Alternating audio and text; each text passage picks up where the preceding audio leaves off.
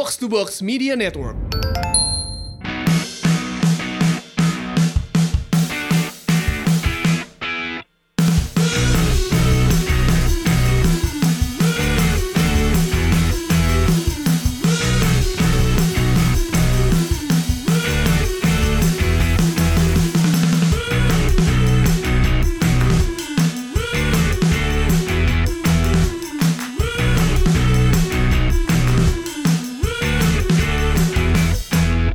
Semuanya, selamat datang kembali di Box to Box Football Podcast. Setelah kita menyaksikan atau mendengarkan uh, Box to Box Trivia dan juga dua episode bersambung dari Box to Box di episode sebelumnya kita membahas Euro dan juga membahas Yunani. Karena itu original episodenya satu jam lebih ya. Jadi kita bagi jadi dua episode di mana menjadi dua bagian di hari uh, Selasa dan juga hari Jumat. Tapi di episode kali ini Ya, Kang Jalu lolos ke babak semifinal. Uh, saya sudah pasti kalah, tidak sudah, sudah tidak usah ditanya lagi ya, karena memang bukan ranah saya trivia-trivia. Uh, dapatnya Eropa Timur, pertanyaan juga susah. Jadi kita pasrah. Dex kalah sama Kang Jalu. Tapi yang kita mau bahas di episode kali ini yang menarik karena kita akan sebentar lagi kita akan menyaksikan sepak bola Eropa khususnya karena Korea sudah mulai di pekan lalu uh, sepak bola Eropa dengan keadaan normal yang baru, the new normal, ya kan? Tapi di tengah keadaan new normal seperti ini, mungkin banyak orang yang sedang bingung untuk ngapain, mendengarkan hiburan apa.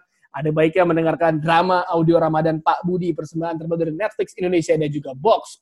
Box. Dan kalau di episode 3 lalu, Pak Budi mencoba merajut kebersamaan bersama kedua putrinya, Laras dan Dinda, dengan merenovasi rumah terinspirasi dari show dari Netflix yang berjudul The World Most Ordinary Homes di episode 4 nanti yang tayang pada hari ini, hari Selasa nih ya, Pak Budi masih terus berusaha mendekatkan diri dengan kedua putrinya agar mereka bisa lebih terbuka dan bercerita kepada Pak Budi sendiri. Namun ada saja cara Pak Budi yang selalu salah dan memecahkan amarah anak-anaknya. Ternyata diam-diam ketiganya menyimpan emosi yang menjadi bom waktu. Wadaw. Bagaimana cara Pak Budi, Laras, dan juga Dinda menyikapi itu semua mengingat ini adalah bulan Ramadan? Dengarkan terus Drama audio Ramadan Pak Budi yang diperankan oleh Teza Sumendra sebagai narator, Salma Cetiza sebagai Laras, Uci Tapohan sebagai Dinda, dan Priti Moti sebagai Pak Budi serta musik produksi dari Mondo Gascaro. Hadir mingguan setiap hari Selasa di musik platform di platform streaming Spotify dan juga Apple Music. Keywordnya Ramadan Pak Budi. Jangan lupa buat dengerin episode sebelumnya juga ya. Episode 4 tayang hari ini nih, tanggal 12 Mei 2020 tungguin dan jam, jangan sampai kelewatan. Halo semuanya, apa kabar? Boleh langsung di unmute ya. Kang, sehat Kang? Alhamdulillah. Kang, uh, Coach Justin, apa kabar Coach? Masih, masih uh, betah tidak keluar rumah nih? Gue keluar lah. keluar rumah gue. Lu akhirnya ke rumah Kang? Gue keluar, gue keluar ke supermarket doang. Ya, cuma lu tinggal jalan kaki dekat. Enggak, gue ke di Plaza Sarina. Indonesia. Plaza Indonesia, uh fancy, nggak Kalau mau. gua Capek, gue enggak ka- Iya. karena lebih banyak pilihan aja. Oh, iya, Kalau gue sih ya. Kayak- kemarin kayak Epic keliling juga Bandung sih. doang. Apa? Di mobil, keliling kota Bandung doang, Emang. pengen tahu. Emang kayak gitu paling bener. Dex tuh pasti di rumah doang Dex ya. Sampai akhirnya Iya. Dex, Dex jokes lu kampret banget Dex. Udah Tadi Emang mau lu harus- mau ke McD Sarina tadinya. Cuman kejauhan. Enggak mungkin Dex. Emang lu nggak belanja Dex? Belanja ini ada delivery gue seringnya. Sebelum eh, memulai podcast gue ada satu pertanyaan buat Dex. Dex, kenapa potongan gue ngomong soal eh, box to box trivia di kultum gue lu potong ya? Apa salah? Apa yang membuat itu salah? Hah? Coba, eh, ini jelasin. Ya, itu- ini. ini pribadi nih. coba jelasin Dex. Jelasin dulu sebelum kita memulai ini. Jadi kultum itu setelah gue lihat 20 18 menit. Hmm. Kan kultum kan 7 menit ya. Jadi gue harus motong-motong, gue harus milih-milih yang gue potong. Jadi nggak enak Dex. Lu tuh udah mau memotong bridging gue di awal juga ada double. Gimana nih si Dex nih? Eh, Oke lah kalau gitu gue maafan untuk sekarang. Tapi nextnya lu potong. Awas Dex gue ngomong nggak mau VO lagi Dex Kultum. Tapi yang pasti adalah kita sebentar lagi akan menyaksikan eh, liga-liga Eropa berjalan ya. Kang Jalo dan Coach Justin. Ya sudah ada konklusi bahwa di Eredivisie kan tidak ada juara. Ajax tidak menjadi juara. Ah, PSG jadi juara di Ligue 1. Uh, tapi yang menarik adalah bagaimana Bundesliga akan memulai kembali liganya di pekan depan. Kang Jalu, gue tadi sempat uh, selintas di lini masa gue ini di Twitter melihat artikel dari Skor yang ngebahas persiapan dari eh, Bundesliga 2 ya yang eh, untuk memulai eh, liga mereka kembali. Mungkin Kang Jalu bisa dijelaskan sendiri regulasi apa sih yang sebenarnya diterapkan oleh si Bundesliga. di WhatsApp grup bukan di lini masa gue lihat ah. Gue di WhatsApp group, Pak. Gue di lini masa gue, lini masa, lini masa. Nah ini memang eh, protokolernya ketat banget ya. Ya kalau gue lihat sih, misal prosedur pas saat hari pertandingan, jadi Hmm. bisa yang main sore itu berarti harus 8 jam sebelumnya eh, udah harus dipersiapkan dan cuma 8 orang yuk. Ya. pekerja stadion yang diperlukan hadir untuk urus lapangan. Dan dibatasin kan satu satu pertandingan tuh berapa? 232 orang ya, Ya. yang maksimal tuh. Ya termasuk TV petugas keamanan segala macam pemain segala macam ya terus aturan tes covid eh, seminggu dua kali kan. Ya ini prosedurnya banyak banget lah. Hmm. memang eh, kan kita tahu lah ya coach Jasin juga yang lebih lama di Eropa tahu kalau Jerman ini kan begitu kaku sama aturan.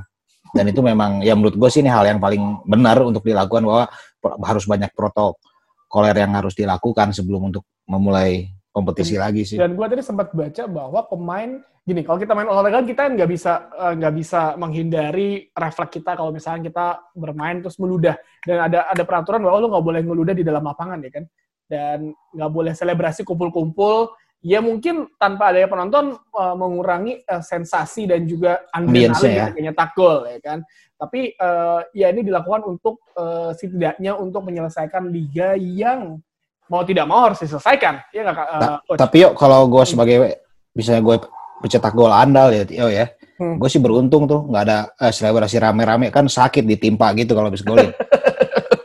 bener bener bener. Coach kalau menurut lu Bundesliga akan kembali lagi nih coach. Enggak, ja, Ya. Jalu ketahuan nggak pernah main bola, nggak pernah cetak gol. orang Makanya, back orang back sama kiper gue posisinya. makanya nggak pernah cetak gol, nggak tahu kalau betapa nikmatnya orang cetak gol itu. Iya. Adrenalin bang. Oke, eh, j- jadi gini, gue coba berusaha, ini gue juga berapa kali bahas di DP ya, gue coba berusaha melihat dua sisi. Satu dari sisi eh, pelaku sepak bola, satu dari sisi pemerintah. Terus gue coba bandingkan juga dengan Eropa. Oh, sorry, dengan Korea. Nah, gue buka data nih, karena bukan bola, gue buka data. Kalau bola, biar Dex sama Jaluk yang buka data. Eh, gue cek di Korea itu yang terkena positif 10.000 something, 10.700. Hmm. Yang meninggal 200-an, yang sembuh 9 ribuan. Hmm. Jadi praktis sekitar tinggal seribuan. Artinya kurvanya itu benar-benar menurun. Kalau tinggal seribu, mereka melakukan mengambil keputusan untuk melakukan pertandingan sepak bola profesional. Untuk gue masuk akal. Hmm. Karena kurvanya itu benar-benar men- menurun drastis. Hmm. Beda dengan Jerman. Jerman ada cenderung cenderung menurun, iya. Tapi yang kena itu 171 ribu, yang sembuh 130 ribuan, yang meninggal 7 ribuan, dan sekarang masih sekitar 25 ribuan eh posit, apa Positif. namanya positif, Positif. Walau, walaupun 95 persen dari dari 25 ribuan itu ringan, Hmm. oke? Di sisi lain dari sisi pemerintah, Merkel ini dapat tekanan dari 16 provinsi. Kalau dalam bahasa Belanda Delstaten, gue nggak ngerti lah. Gue gua anggap provinsi lah. Negara Bahwa bagian coach. negara bagian, oke. Bahwa eh, lockdown ini harus dibuka, aktivitas ekonomi ini harus diteruskan. Kenapa? Karena banyak korban yang terjadi dari sisi eh, non sakit, kayak PHK, ekonomi nggak jalan. Jadi ini sebuah dilema, sebuah sebuah keputusan yang nggak ada yang win-win solution. Hmm. Cari jalan tengah. Di situlah. Cuman memang bisa dibilang protokol Jerman ini kuat sekali. Hanya gue nggak habis pikir itu sudah ada tujuh ribuan yang yang meninggal, Meninggal. 25 ribuan yang sakit, lu masih main bola gitu loh. Ya, Itu gue gue jujur nggak habis pikir gitu. Iya, Apakah lu bisa konsen? Iya, apalagi kan yang ketika latihan pertama FC Köln ya, yang tiga orang langsung kena ya, Ya, coach. betul. Dan tidak ada satu orang atau satu organisasi yang berani menjamin bahwa tidak akan ada korban yang akan meninggal. Nggak ada Dia- satu. bisa bisa dibilang ini bahwa Jerman ini menjadi kelinci percobaan lah ya di Eropa. Apakah kalau Jerman berhasil berarti Iya. liga-liga lain eh, akan eh, berhasil. Lo menurut lo gitu nggak Dex? kalau misalkan Jerman berhasil, kayak Premier League dan lain akan mengikuti hal yang sama. Soalnya ini bukan bukan soal kesehatan juga sih. Kalau gue baca-baca juga soal bisnis lagi-lagi soal duit ya. Ya. Kenapa? Itu udah gue jelaskan, Dex. Hmm. Kenapa liga ini jalanin? Makanya kan banyak banyak klub bisa bang, bangkrut. Ya ini kita, harus kita lihat juga sih. Karena ada yang bilang juga orang-orang yang di rumah tuh stres juga butuh hiburan. Nah, sepak bola ini bisa jadi hiburan. Gue sih gue sih nggak nggak terlalu sependapat ya. Ya, Meskipun gue sih senang-senang aja sebenarnya. Senang Ya, apalagi Liga maksud- Jerman juga bagus kan. Enggak. sama gue juga seneng-seneng aja. Hmm. Cuman Kita semua ini kan- Tapi kurang tepat aja. Iya, Ta- tapi nggak tepat gitu. Asumsi Hmm. Salah satu keluarga atau kerabat kita yang meninggal yang jadi ko- korban corona di sana. Buat perasaan lu gimana? Lu pa- pasti akan ini orang gila eh main bola sementara yang lain masih ada di rumah sakit dan lain-lain. Ngerti ya, nggak? ya emang menjadi dilema semua kan di di seluruh Iya. negara mana pun dan dan benar kalau misalkan eh, gini ini kan lebih ba- lebih ke apa efek ke kesehatan dan juga eh, eh, fitness dari para pemain kan. Eh gue waktu itu baca di gue Guardian atau di atlet ah, di atlet ya atletik ya gue dia bilang tuh eh, artikelnya bilang kalau eh, eh, Premier League mungkin langsung digulir terus eh, yang lah pemain langsung main itu semua nggak sampai selesai dua pertandingan udah pada cedera semua karena kan mereka kan sama sekali nggak berlatih selama hampir selama dua bulan lebih kan dan Hmm. eh, kompetitifnya juga berubah kita nggak ada yang tahu juga dan di Bundesliga Kualitas pertandingannya menurun. ya kita lihat kemarin di Korea pun iya gue baru nggak pernah nonton tim Korea kecuali di Liga Champions Asia tapi maksudnya kemarin melihat pun kayak kita mungkin akan menjadi terbiasa melihat pertandingan tanpa penonton ya kan Eh, kayak agak aneh ya sih kayak oke aneh ya tanpa Ya aneh penonton lah apa sih. Ibaratnya kan orang gini deh. Lu kalau nonton bokep tanpa suara hilang berapa persen ke kenikmatan. ya kan? Ya enggak, ini eh, asumsinya gitu aja. Nggak, earphone bukan? Gini, yang gue pertanyakan adalah kalau kalau lu tanya sama gue apakah gue setuju ya? Of course gue pengen nonton bola juga, Hmm. entah itu liga apa pun asal asal jangan li- li- li- liga Asia karena liga Asia gue nggak pernah peduli kecuali liga Indonesia. Oke, kalau liga Jerman kan untuk gue sih gue salah satu penggemar liga Jerman walaupun mungkin banyak yang tidak tahu. Cuman kenapa di Jerman tidak menunggu seperti kasusnya di Korea? Hmm. Jadi benar-benar menurun. Kalau seandainya kurvanya itu benar-benar menurun, lu, lu tinggal tunggu sebulan loh. At least you don't take risk gitu loh. Ya, ya. Memperkecil memperkecil resiko itu Ya. yang gue gue maksud bahwa tetap bergulir kalau melihat kurva kalau kita berdasarkan matematika kurva yang menurun kan akan menurun terus. Hmm. Hmm. Tapi kan kita nggak tahu masih ada yang namanya second wave. Di Iya. itu udah kena dan kemarin gue dapat ya. ya ke- kemarin gue dapat Nah. artikel ar- artikel lagi nah ke- kemarin gue dapat artikel lagi pada saat Merkel mengatakan memperlonggar lockdown di Jerman tiba-tiba melonjak Iya.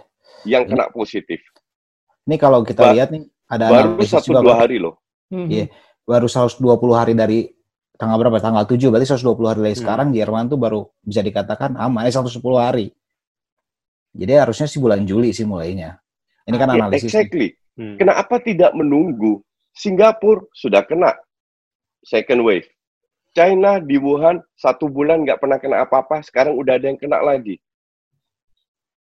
Ngerti nggak? Kenapa lu tidak menunggu seperti di Korea yang benar-benar ngedrop banget yang tinggal sedikit ba- baru lu mulai?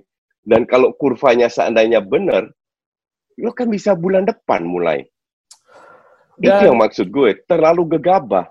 Gegabah dan juga mungkin iya bener oh, ya pasti ada tekanan dari macam-macam lah bisa sponsor. Nah gini masalahnya yuk kalau di Jerman kalau gue lihat memang eh, ya tadi dikatakan coach Justin juga sama Dex bahwa tingkat P, tingkat apa nama P- unemployed-nya gede banget karena mereka kan kebanyakan industri manufaktur.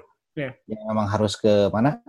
Harus ke pabrik atau ke kantor lah yang nggak bisa Di dikerjakan rumah, ya. dari rumah. Ya ini memang ya tadi kenapa kata coach Justin di mendapatkan tekanan dari mana dari pemerintah daerah ya itu ada hubungannya juga pasti ya pasti lah That's okay, Jalo. That's okay, nggak ada masalah. Tapi kalau apa yang lu katakan, gue setuju kok. Ya kan? Cuman pabriknya of sepak bolanya ini loh. Iya, harus nunggu ya kalau tadi lihat yang kita eh, yang gua share grafik tuh ya 100 hari dari di bulan dari bulan tanggal 7 kemarin berarti kan which is di bulan Agustus lah baru normal tuh Jerman. Ya sekalian aja musim baru. Iya, Seharusnya kita di sini sadar sih kalau kalau unemployment itu kan ada di mana-mana kan nggak cuma di Jerman di Indonesia. Yang menyebabkan itu tuh bukan lockdown ya, tapi pandemi ini. Jadi bukan karena kita iya. nggak lockdown karena Ini- apa ya? Karena pandemi ini sebenarnya bukan gara-gara Iya. kebijakan apa pun. Yang jadi masalah, Betul. Dex, pandemi ini terlalu gampang menular. Dan lu tanpa gejala pun lu bisa kena. Di Korea baru saja dari klub night night club kena Ya. beberapa orang tanpa akhirnya gejala. ditutup kan, COVID. akhirnya Hmm. ditutup Ya. Kalau lu kalau di situ ada bisa terjadi, it can it can happen any everywhere. Hmm. Ini yang jadi masalah. Lu bisa kelihatan sehat dan lain-lain. Oh, gue nggak ada gejala, gue keluar. Lu memang tidak sakit, tapi lu carrier. Lu bisa menularkan. Nah, ini yang repot kan? Nah, tadi gue baca, ini artikelnya agak bias sih tapi baca di artikel di Spanyol, kan kebetulan gue bisa bahasa Spanyol kan. Katanya kasus penularan dari lapangan sepak bola itu sedikit banget gitu. Tapi setelah gue baca, ya orang orang pertandingannya juga dikit ya kasusnya masih sedikit lah. Ya, dan, Cuman iya. biasanya kan kalau media headline-nya kan kayak gitu kan seolah-olah kita baik, kita oke-oke aja nih tanding bola gitu. tapi kalau misalkan lu ingat adalah salah satu bom waktu yang di Italia adalah kasus pertandingan Atalanta lawan Valencia Atalanta, ya. Itu kan beneran satu full stadion full kan, bom akhirnya kan, akhirnya di daerah Atlanta kan Iya. yang paling parah kan terkena salah satu itu. Jadi emang eh, kalau menurut gua sih ya eh, serba salah sih tapi ya ini menjadi eh, salah satu contoh bagi liga-liga Eropa lainnya Inggris eh, Inggris dan Italia. Kita tahu Spanyol bakal mulai kemungkinan 5 Juni ya kan. Kita tahu Spanyol kan juga parah salah satu yang parah di Eropa. Mereka akan mulai 5 Juni. Eh, Italia pun udah ada beberapa klub yang melakukan latihan bukan sih di Hmm. Serie A udah mulai latihan. Tapi pemerintah Italia belum mengatakan, ya sama Ya. sekali belum kasih tanggal. Hmm. Bahkan pemerintah Spanyol pun juga belum. Pemerintah Inggris baru tadi gue baca, baru ada ada berita di grup gue. Pemerintah Inggris katanya sudah memberikan, oke setelah Juni boleh. Sekarang tega- tinggal tergantung FA-nya kapan mau mulai. Di di FA-nya itu pun juga ribut. Karena kan ada ada pertanyaan dari 100 dokter lebih kan, lo mau jalanin ini eh, buat apa? Maksudnya kan eh, di Inggris pun juga kurvanya nggak makin nggak makin bener gitu. Enggak, enggak flat. Iya, Eropa tuh enggak masih nanjak. sekali. Heeh, karena Inggris hampir 11-12 kelakuannya sama orang Amerika kayaknya ya. Iya, betul. Ya benar, itu. benar. ya kan? Habis Amerika, Inggris terus. Jadi maksud gue untuk ngelihat sepak bola di Inggris mesti agak lama dan ya mungkin kita- kalau Bundesliga berhasil eh, akan menjadi sebuah contoh bagi yang bagi yang lain karena Bundesliga menyisakan tiga bulan kan ya? Eh, eh, tiga 10 bulan? pertandingan. Enggak. 10 pertandingan kan? 10 pertandingan. Enggak, eh, sembilan, sembilan. 9 pertandingan, 3 iya. 9, 9, 9 Ya, dua enam sampai tiga empat kan? Ya. Dua, dua bulanan lah. Iya, dan dan itu kan menjadi eh, apa namanya contoh bagi liga-liga lain. Eh kalau kita ngelihat Enggak. di, apa di Inggris pun kemarin kan ada wacana bahwa bermain di tempat yang netral. Itu menurut gua agak Nah. aneh dan dan akhirnya kemarin lu baca ini nggak ada yang si apa statement dari chairman Watford yang menurut gua keren banget yang Apa? yang pokoknya dia bilang kalau misalkan gua nggak eh, kita bisa kita per, pernah mengalahkan Liverpool bermain di uh, Oh, enggak. Carroll Roads gitu dia bilang kayak kalau mereka pokoknya dia kasih tau lah alasan-alasannya dan ujungnya ini ujung-ujungnya sih dia nggak kurang kurang suka ya dengan dengan peraturan bermain di netral kayak lu main di netral ya agak Ya. aneh sih menurut gua Jadi di Inggris pun masih belum sepakat bagaimana kompetisi ini akan dilanjutkan. Ya. Sekitar 5-6 klub tidak setuju bermain netral. Sekarang kalau lu tidak bermain di tempat yang netral, artinya jarak travelingnya ini kan jauh. Satu, apakah pemain akan diisolasi di satu hotel? Iya. Kedua, asumsi mereka diisolasi. Kalau mereka diisolasi terus, apakah mereka nggak enek, nggak stres? Dan itu imbasnya lagi ke pertandingan ngerti nggak? Kalau saya tidak ditempatkan di eh, di di tem- tempat yang netral dan di Inggris pun masih mereka belum temu kesepakatan Ya. maunya gimana nih. dan Bahkan ada usul tidak bermain selama dua kali 45 menit, dipendekin. Hmm. itu aneh banget sih itu Tapi dari semua peraturan yang di, udah disetujui lima pergantian pemain kan? Nah, ini Lima pergantian ada itu nggak pemain. apa-apa lah itu nggak apa-apa karena kan lu Itu belum make sense. Nah, lo kan nggak nggak bisa match uh, match sharpness lo sama fitness lo kan belum balik banget lah itu kan Iya. sama aja kayak lo bis uh, libur summer tapi lebih lama lagi dan yang terakhir gue baca adalah uh, kan kalau klub setujui tapi kan klubnya kan belum tentu bisa memaksa pemainnya untuk bermain kan si O- Ole dari MU pun udah bilang gue nggak bisa maksa pemain gue main kalau dia nggak mau main gue nggak bakal gue mainin nggak bakal gue paksa Iya. Gitu kan. ini kan lebih- Agero pun nggak setuju untuk main Hmm, karena dan Agero bilang mayoritas dari pemain tidak setuju untuk bermain. Karena mereka punya keluarga. Cuman gue nggak tahu yang disebut mayoritas itu mayoritasnya pemain City atau pemain yang dia kenal. Ya, tapi maksud gue emang kalau misalkan dipaksakan main pun menurut gue village pun juga juga berbeda dan yang paling menyakitkan adalah kalau misalkan Liverpool juara mereka tidak bisa juara di depan para pendukungnya di Anfield, iya kan? Kosong. Ya, enggak. Nah, itu sih ya nggak ngaruh sih enggak kembali ya, ya itu sih nggak penting juga. Ya, nggak penting juga sih. Kalau ya enggak kembali ke yang bahas Jerman, sebenarnya kan ini juga aneh. Dalam artian gini loh. Ini kan pemain udah libur dua bulan. Mereka maksain tanggal berapa? 13 apa 16 sih? 16. 16. 16. 16 kan? Ya harusnya ya. kan gini, dua bulan itu adalah waktu yang sama dengan libur musim panas mereka kan. Harusnya ada matrikulasi dulu selama berapa oh, minggu ya, lah. Nggak nggak ya nggak langsung ojo-ojo langsung main lagi kan? Iya, harus. betul. Eh, jadi oke okay lah tanggal tanggal 16 tuh mereka diizinkan untuk beraktivitas dulu ya tapi masih aktivitas dalam di klubnya sendiri dalam arti tidak ada pertandingan dulu lah memang segalanya itu ya baru sebulan kemudian ya sama seperti ibarat ketika kembali dari libur musim panas kan 1 Juli masuk mereka ya. baru pertanding minggu kedua Agustus ya. gitu dan emang mesti ya misalnya mesti mesti kembali lagi ke uh, Mars Fitness apa uh, Mars Fitness yang emang di, di, dibutuhkan kan dan kalau misalkan lihat ini berarti kan uh, Jerman mulai uh, pertandingan apa Dex uh, di Jerman? Schalke Dortmund. Schalke Dortmund, yang top. Schalke. Nah, ini langsung bahaya kan? Enggak, maksudnya derby loh. Oke okay. Iya. Oke okay, orang nggak datang, iya. tapi kan kera ke apa keriuhan itu pasti akan ada gitu di partai derby ini. Serius deh gue, entah nonton bareng di mana kayak apa kayak. Iya benar, gue gue setuju. Lu kan tidak bisa tidak ada satu pemerintahan yang benar-benar bisa mengontrol crowdnya kecuali pemerintahan yang yang otoriter kayak di Cina, kayak di Vietnam, Korea Utara. Oke, okay? It, itu aja. Kalau di negara demokrasi kan nggak bisa diatur. Jangan di kita. Makanya gue lihat di Twitter semua komplain soal pemerintah di Eropa, Amerika itu lebih parah orang-orangnya. Iya, sampai turun ke jalan yang di Minnesota ya. itu. Di kita itu masih jauh lebih mending loh. Ya, kalau begini berarti kan sebenarnya uh, apa namanya kita bisa bilang uh, sebuah apa namanya ide yang baik tapi juga buruk. Maksudnya kita juga belum tahu hasil sepertinya kita akan melihat setelah uh, weekend nanti ada pertandingan minggu depannya seperti apa hmm. di Liga Jerman. Hmm. Apakah akan nambah lagi pemain ada yang kena uh, kemarin uh, pemain Brighton ya ada yang ada yang kena positif kan tes. Brighton. Tiga tiga terus di Jerman juga ada juga FC Köln yang kena ya kan hmm. FC Köln juga efeknya efeknya akan kita lihat itu nanti seminggu setelah pertandingan atau enggak ya Rabu atau hari Kamis lah orang kayak, weh tiba-tiba pemain ini naik lagi. Feeling gua kalau itu terjadi itu pasti stop langsung, langsung stop yeah. semuanya, ya kan? Enggak. Yang yang gue lihat sih, Tio, kalau sana dalam dua minggu ternyata yang positif itu meningkat di Jerman, ada cenderung ke arah second wave, hmm. itu bisa diberhentiin. Ya pastilah. Dan kita bisa bilang, ya seperti gue bilang, Jerman sebagai kelinci percobaan di Eropa lah untuk melihat. Gue rasa uh, liga-liga lain juga melihat apakah Jerman sukses apa enggak. Tapi kan di Jerman protokolnya yeah. kan panjang banget kalau gue ngelihat tadi kan. Protokol yeah. latihannya, protokol ininya, sampai di ke, ke stadion, yang, di lapangan, nah, pemanasan, nah, yang menarik, baju. Uh, yang menarik menurut gue adalah pelatihnya yang bingung, ya kan? lo di iya, base ada jarak-jarak pelatih yang bingung ya kan kayak ini gue mau, mau latihan cara apa ya kan lu lu bagaimana latihan kalau tidak kalau kalau harus jaga jarak yang lu bisa latih kan cuman uh, apa namanya fisik doang lu latih rondo aja lu nggak bisa rondo kan deket ya, iya. lu latih strategi small pitch 4 lawan 4 nggak bisa juga nah terus lu mau latihan apa hmm. yang tidak sesuai dengan berjalan pertandingan. That's why kemungkinan besar kualitas pertandingan akan menurun. Ya, yeah, pasti uh, long ball long ball terus nih ya, berarti ya.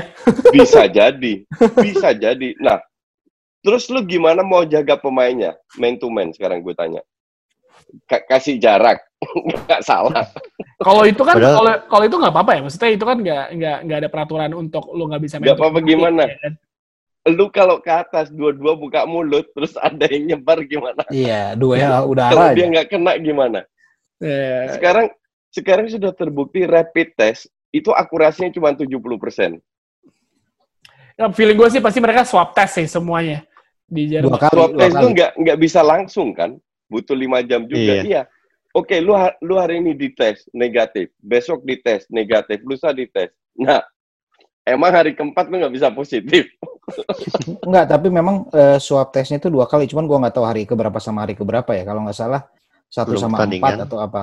Iya, pokoknya pertandingan, sesudah seminggu dua pertandingan, kali. Satu di- lagi, Satu semua. lagi kayak di pekan yang sama aja. Makanya itu modal modalnya lumayan gede kan Premier League ada nyiapin modalnya lumayan gede tuh untuk untuk menyiapkan semua alatnya itu semua.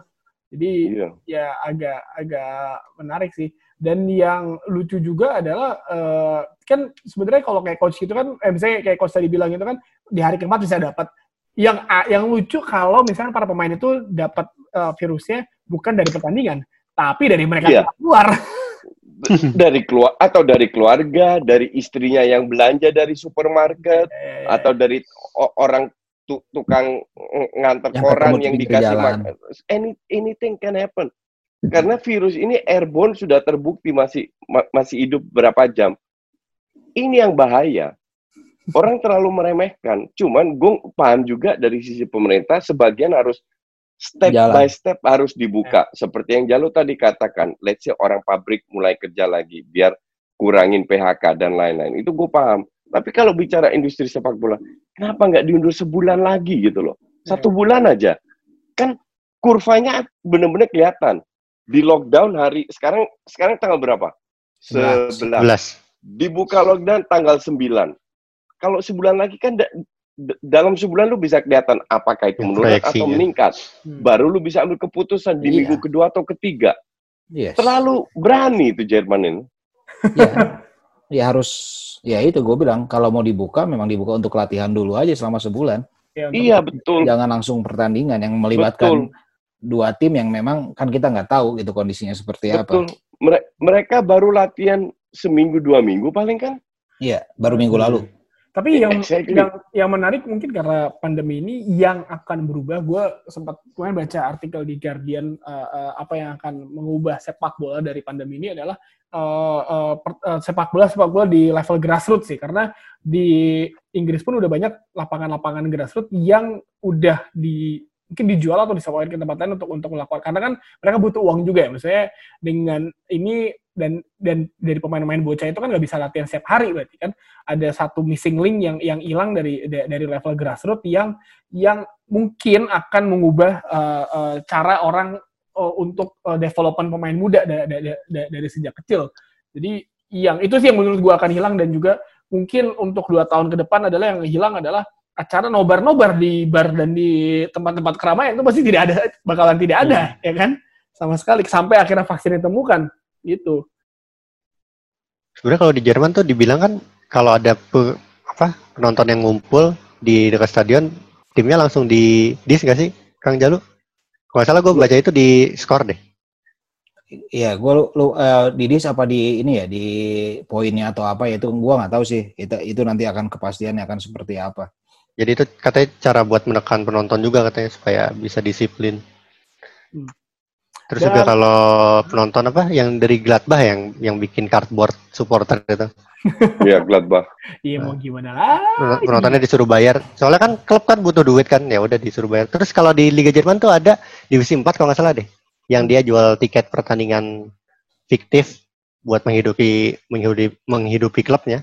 Jadi ya udah tiap kan tahunya kita ada pertandingan minggu ini, minggu depan ada lagi. Jadi ya udah kita jual tiket, tetap jual kok buat tapi du- duitnya buat klub kita dia bilang gitu. Gue lupa Eh. timnya apa Le- Leipzig pokoknya deh. Gue lupa tim apa Dinamo Leipzig apa apa gitu. Ya karena mungkin di klub-klub yang Di, Dinamo Leipzig emang, emang ada. Gue lupa ntar, ntar gue cek. Dinamo Dresden yang ada. ya mungkin dari klub-klub itu mungkin kalau klub-klub eh, Oh, eh, bentar, bentar, Bex kehilangan poin kan, benar bukan bukan didiskualifikasi, kehilangan yang poin. main. Kok kehilangan poin? Oke, yang tadi Bundesliga. Tapi emang kalau yang menarik adalah kalau kita lihat yang akan menjadi permasalahan adalah klub-klub non league yang ya maksudnya kan itu banyak Oh. banget kan, ya kan? Sorry tadi, Lokomotif Leipzig. Oh, Nah, itu ada lokomotif Leipzig ada. Lokomotif Leipzig ada. dan juga eh, kontrak-kontrak pemain yang mungkin akan selesai di bulan Juni, ya kan? Eh, banyak juga klub-klub yang tidak mendapat. Kayak salah satunya gue membaca artikel eh, sepak bola lokal ya, Borneo FC eh, itu tidak mendapatkan uang selain eh, jualan t- eh, jersey mereka. gue baca di mana ya, waktu skor deh, nggak salah atau di mana gitu. Pokoknya di di di eh, website apa olahraga. Jadi kan banyak yang banyak yang terefek semuanya kan, nggak cuma di Eropa. Dan kalau di Indonesia eh, keputusan untuk menggelar Liga 1 lagi, menurut gue tanpa penonton nggak bakal bisa sih. Orang Indonesia nggak bakal nggak bisa diatur. akan lebih susah sih kan ini memang menjadi persoalan minggu ini apa minggu depan ya eh minggu ini ya diputuskan atau enggak eh, kaitannya sama ini ke depan ya Oh. tapi memang sih eh, Kalau di- gue bilang Liga Indonesia masih terlalu dini kalau ambil keputusan. Ini Yes. baru tiga match, next Iya, seasonnya baru fe- Fe- Februari. Santai aja dulu, ikutin pemerintah, lihat dulu kurvanya. Kalau mulai di bulan Agustus pun September masih nggak ada masalah. enggak gitu loh. masalah Salah. Ya, September ya. kan Ja- jangan diambil sekarang lah kalau Jangan udah ambil terlalu sekarang. buru lah. bisa banyak dan ya memang kalau kalau di luar ya kalau di luar kan enak lah di Jerman ke mana-mana dekat. Kalau di Indonesia sih udah nggak mungkin Iya, sistem home and betul. away pasti sim home single turnamen. Ya Dan- lu bayangin aja Makassar terisolasi pindah ke sana pindah ke sana. Dan secara duit juga kan itu pasti akan lebih besar dibandingkan memang Iya. ketika sudah di pool di satu wilayah tertentu. Dan dan juga orang kita eh, mungkin nggak bakal bisa nahan supporter-supporter yang tetap maksa untuk datang stadion untuk ya di, mungkin stadion tutup tapi di depan stadion pada ngumpul nah itu yang Pasti menarik dilakukan itu, betul. Nah, ya itu yang mungkin yang bisa dila- yang bisa dicontoh dari Liga Jerman bahwa ketika ada supporter yang datang ada pengurangan poin untuk tim tuan rumahnya. Ya. Di Papua aja tuh kan PON juga kayaknya nggak PON jelas mundur juga kan. kan? Mundur. Benar. diundur semua jadi Mainnya di Papua aja. ya, jadi sebenarnya eh, bukanlah sebuah win-win solution sepak bola di tengah pandemi seperti ini benar tidak Kalau Ya. kalau di Indonesia susah karena kekuatan finansial semua klub itu sangat pas-pasan ya? gitu loh. Ya, Iya, sa- Kalau- sangat beda dengan luar negeri. Dan TV rights-nya pun nggak, mereka nggak bisa hidup dari TV rights. Hmm. That ya, is the problem di, di berapa, Indonesia. Nggak, sa- nggak sampai 10% dari ini kan. Exactly. Hmm. Sementara ranking 20 di Inggris masih dapat 80 juta Iya, Cuma kayak ranking 6 di Spanyol ya. 80 pounds. juta pound sterling loh. Ya makanya itu selisihnya antara ya itu 80 juta pound sterling itu selisih antara klub Premier League sama divisi Championship itu. sangat Itu waktu Aston Villa pro- promosi tahun lalu dapat 140 total. oh iya tahun lalu ya Iya. Makanya bisa beli uh, Aston Villa atau Fulham Iya, yang beli ba- ba- ba- banyak Aston pemain Villa banyak. Aston Villa. Aston banyak Villa kan, iya. Hmm. Dia tuh udah jeblok juga. Iya, enggak dia memikirnya future kan. Sebenarnya kan uang 140 itu ya 80 di antaranya baru dibagikan di akhir musim. Tapi ya menilai apa namanya ya ngitung future income-nya itu. Ya rata-rata kan gitu kalau klub pro- pro- promosi. Iya. Iya.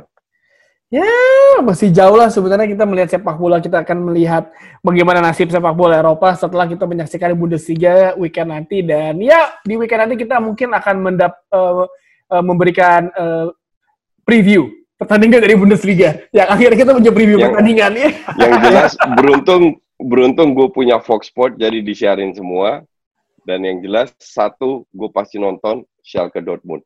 So, Iya itu Gue itu pasti. Ini- pengen nonton Munchen sama Leverkusen juga. Jangan Sebenarnya sedih. Bundesliga tuh ser- bagus juga ya. Coach juga kan Ba- waktu itu. bukan bagus juga. Bukan bagus Secara juga, emang bagus. strategi lebih bagus Iya ya. Bundesliga daripada Serie A Gua- atau Inggris. Gua malah Kan coach kan yang menyarankan gue 60 nonton. doang yang bagus. Ya, gue gue malah Hmm. melihat kalau Bundesliga dari sisi entertainment ya mereka beneran ngejar banget. Lo kalau ngelihat cuplikan golnya Bundesliga, lo mesti lihat bagaimana mereka bikin replay pertandingannya satu dua gol. Itu ada ceritanya nyet.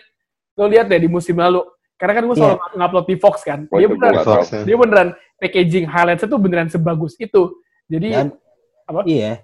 Dan Oh, mereka tuh nggak nggak kayak Inggris yang mata duitan gitu semua dijual per apa di Kalau Bundesliga tuh kalau lu misalnya ini kan gue ya dari sisi uh, wartawan ya mereka ngejual TV rights turunannya gratis semua yo. iya. Karena emang Mau buat highlight mau itu, apa. iya. Tapi kan salah satu kekuatan Bundesliga kan main pressing kan. Ya coach juga pernah bilang ke gue sih. Itu Iya. nggak akan kelihatan kan coach berarti kan? Ya, Permainan pressing nggak akan kemungkinan kelihatan di di situasi Kondisi- kayak gini. Eh lu Ya, ngapain pressing? juga. Jaga jarak lu, jaga jarak gitu. gue asli kalau lu tanya soal gimana, gue asli blur. Gitu. Apakah ya gue harap kalau kualitasnya turun itu gue sudah turunkan. Ekspektasi Hmm. gue tentang Bundesliga sekarang udah menurun Ya, karena gini latihan ya. cuma dua minggu. Cuman kalau bener-bener ancur-ancuran, ya gue nggak Kayak gini. nonton. Feeling feeling, feeling gue nggak separah itu sih. Mungkin ada bakal ada Iya tensinya nggak bakal setinggi itu uh, uh, pressingnya tapi ya it's, ini tetap Bundesliga lah maksudnya At, tetap at least ag- agak menurun tapi tetap bagus lah. ya, Ya, at least Semoga kayak begitu. Ibarat- liga top Eropa lah yang, yang bermain ya, kan Ibarat pertandingan pramusim Bundesliga lah. Ya, Mungkin ya, kayak gitu Ya, sih. Oh, mungkin iya. betul. Ya, Ya, tapi tetap aja kualitasnya kan Bundesliga. Ya, ya. Dan memang Bundesliga sih kita- menurut gue sih emang yang bisa memang untuk bisa untuk melakukan terlebih dahulu karena kan mereka secara finansial semua sehat. Iya. Beda sama liga-liga lain ya. Karena kan sistem penggajian 50 mereka Se- sebenarnya Nah, nggak nggak juga. Eh, jadi term terakhir TV rights-nya Bundesliga itu kan belum turun, tapi Yes. term sebelumnya itu udah turun karena Schalke kalau itu nggak turun bangkrut. Hmm. Schalke mengatakan itu. Nah, ka- karena sudah turun jadi tinggal term terakhir lah yang belum turun, belum dibayar, makanya diterusin. Tapi term terakhir itu mungkin ngaruh cuma 10-15 persen. Sebelumnya itu sangat berpengaruh terhadap beberapa klub. Tapi gue lebih setuju secara finansial mereka lebih sehat Ya, ya. karena tidak semua klub di own by a single owner. Lebih kayak kayak PT lah yayasan Iya, gitu. kayak PT plus nggak jor-joran juga gajinya kan kayak Premier League. Iya. Iya, betul. Ya, at least kita uh, di weekend nanti kita tahu akan membahas apa. Jadi Hmm. dengan terus box sih akhirnya kita Ya. punya preview pertandingan ya. Alhamdulillah ya. Setelah preview box to box trivia terus. Ngaruh juga buat eh, video gue. Iya. gue ngedrop nggak ada match. Tenang, kita akan melakukan preview Bundesliga di pekan depan yang pasti dengan terus uh, box to box football podcast yang akan tayang seminggu dua kali. Uh, thank you banget Dex, uh, Kang Jalu, Coach Jasmine. Sama-sama. uh, perbincangan ini. Kita akan ketemu lagi di uh, akhir pekan nanti. Yang mana-mana uh, dengerin terus uh, box to box dan juga nonton box to box trivia karena di babak uh, semifinal ada Kang Jalu, Aun, uh, terus ada Dilon. Satu lagi kita masih nanti nanti malam di pertandingan antara Randi dan juga siapa Dex? Akbar, Akbar. Akbar. Ini terakhir hari Minggu loh, trivia loh. Ntar, Jadi ini minggu ntar terakhir. kalau fi- fi- finalnya kapan? hari Minggu. Hari Minggu. Hari Minggu malam. Minggu gue nonton. Gue cuma nonton final aja. Kalau Ya. yang loser-loser kalah-kalah itu males gue nonton. Thank you pertandingan gua ya. sama Kang Jalu seru loh, Coach. Lu bercanda. Percaya gua. Heeh. Jokes om-om kalau gitu. Thank you semuanya Coach Kang Jalu Dex. Sama-sama, Sampai thank you. ketemu di episode selanjutnya. Bye-bye. Thank you.